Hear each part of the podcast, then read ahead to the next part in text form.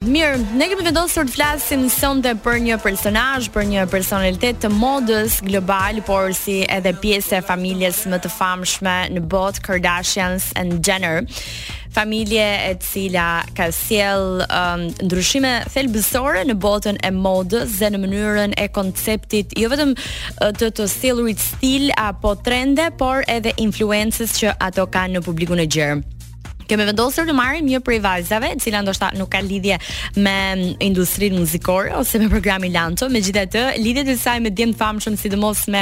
artistë muzikantë, e bëjnë domosdoshmërisht pjesë të kësaj industrie të madhe globale. Kendall Jenner, unë po e nis me disa um, lajme të cilat e nxjerrin paksa keq Kendallin, sigurisht kur je personazh mediatik botëror, është më tepër Me atë lloj statusi është e vështirë që ti t'i shpëtosh komenteve nga të dyja anët dhe nga të dyja nga të dyja polet, qofshin ato të mira apo të këqija, megjithatë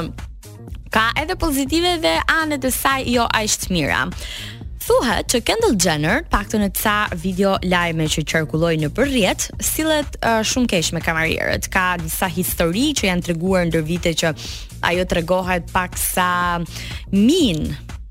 e thënë kështu. Tregohet paksa e ashpër ndoshta ose pak indiferente menefregiste deri diku sillet keq me ta për arsye të caktuara, madje një herë kur ka qenë në një lokal së bashku me mikeshën e saj të zemrës prej vitesh e vitesh Hailey Bieber, një tjetër modele pak a shumë të njëjtin status si ajo, përpos faktit që është edhe bashkëshortja dhe gruaja e Justin Bieber, uh, thuhet që nuk kanë pranuar të paguajnë faturat e tyre. Dhe është më tepër në një periudhë tjetër kur ka qenë vetëm 17 vjeç, Kendall ka kërkuar alkool në një lokal, por kamerierja ka vendosur mos ia jap për hir të moshës dhe kështu ka krijuar një dramë të madhe. Megjithatë,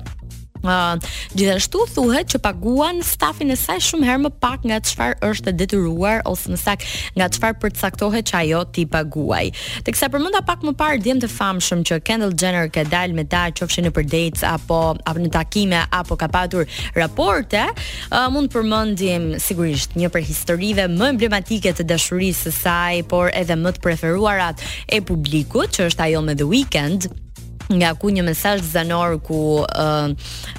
madje ka qenë ajo ka dalë me The Weeknd, por më pas Bella Hadid ka patur një raport me të, por Po rrethi i tyre vicioz në fakt ka qenë gjithmonë kështu. Qarkullon në po të njëjtat linja dhe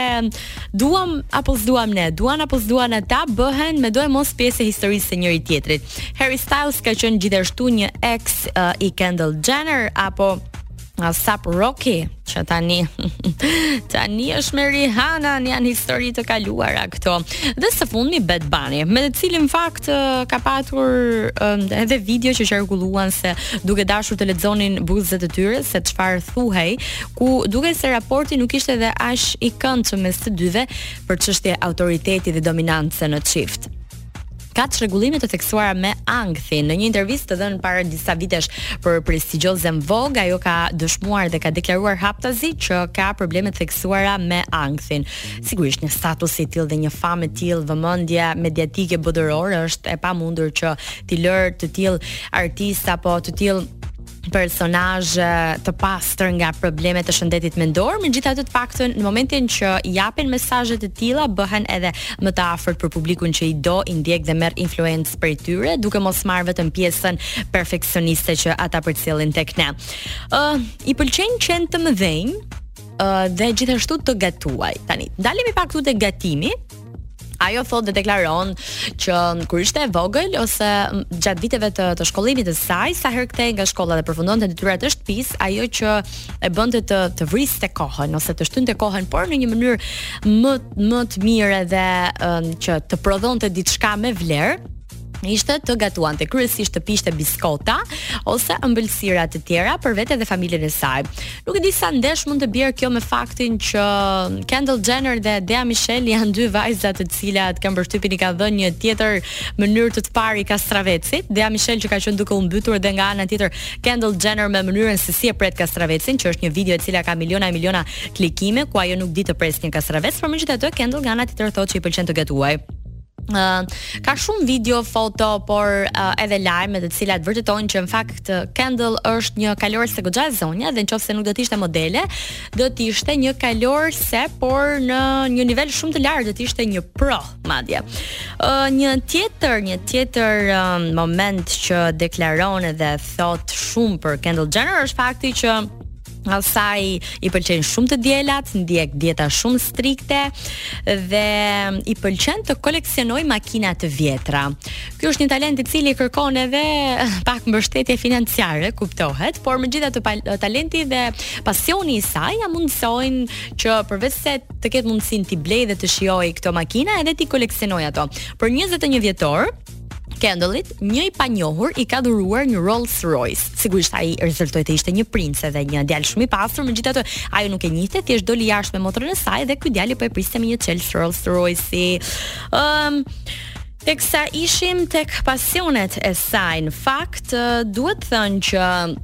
Pasioni i saj më i madh është modelingu që e ka edhe profesion mbi gjitha, por pjesa e preferuar e trupit të Kendall është gjatësia e saj, ku ajo është 1.79 e gjatë dhe puthjen e parë e ka dhënë kur ka qenë 13 vjeç në një lojë Truth or Dare, pra ose uh, thua një të vërtetë ose guxo. Mirë, Natën e mirë, kalofshi sa më bukur. Ishte Disco Lancio edhe për këtë mbrëmje. Ridëgjohemi nesër mbrëma nga ora 20 deri në 22. Unë Elvana dhe DJ Ankloe ju dhurojmë shumë dashuri nga dashuria jonë më e madhe Top Albania Radio. I don't need a klapa, new girl vjen e fundit. Se për çfarë keni nevojë e gjeni vetë ju. Por një gjë është e sigurt, e mendoni apo s'e mendoni, për muzikë të mirë, për lajme, për informim dhe për dije do të keni gjithmonë nevojë, kështu që ushqeni veten, shpirtin, zemrën, mendjen dhe çfarë të keni nevojë ose jo, plotësojani këto dëshira dhe së bashku ridëgjohemi nesër mbrëma.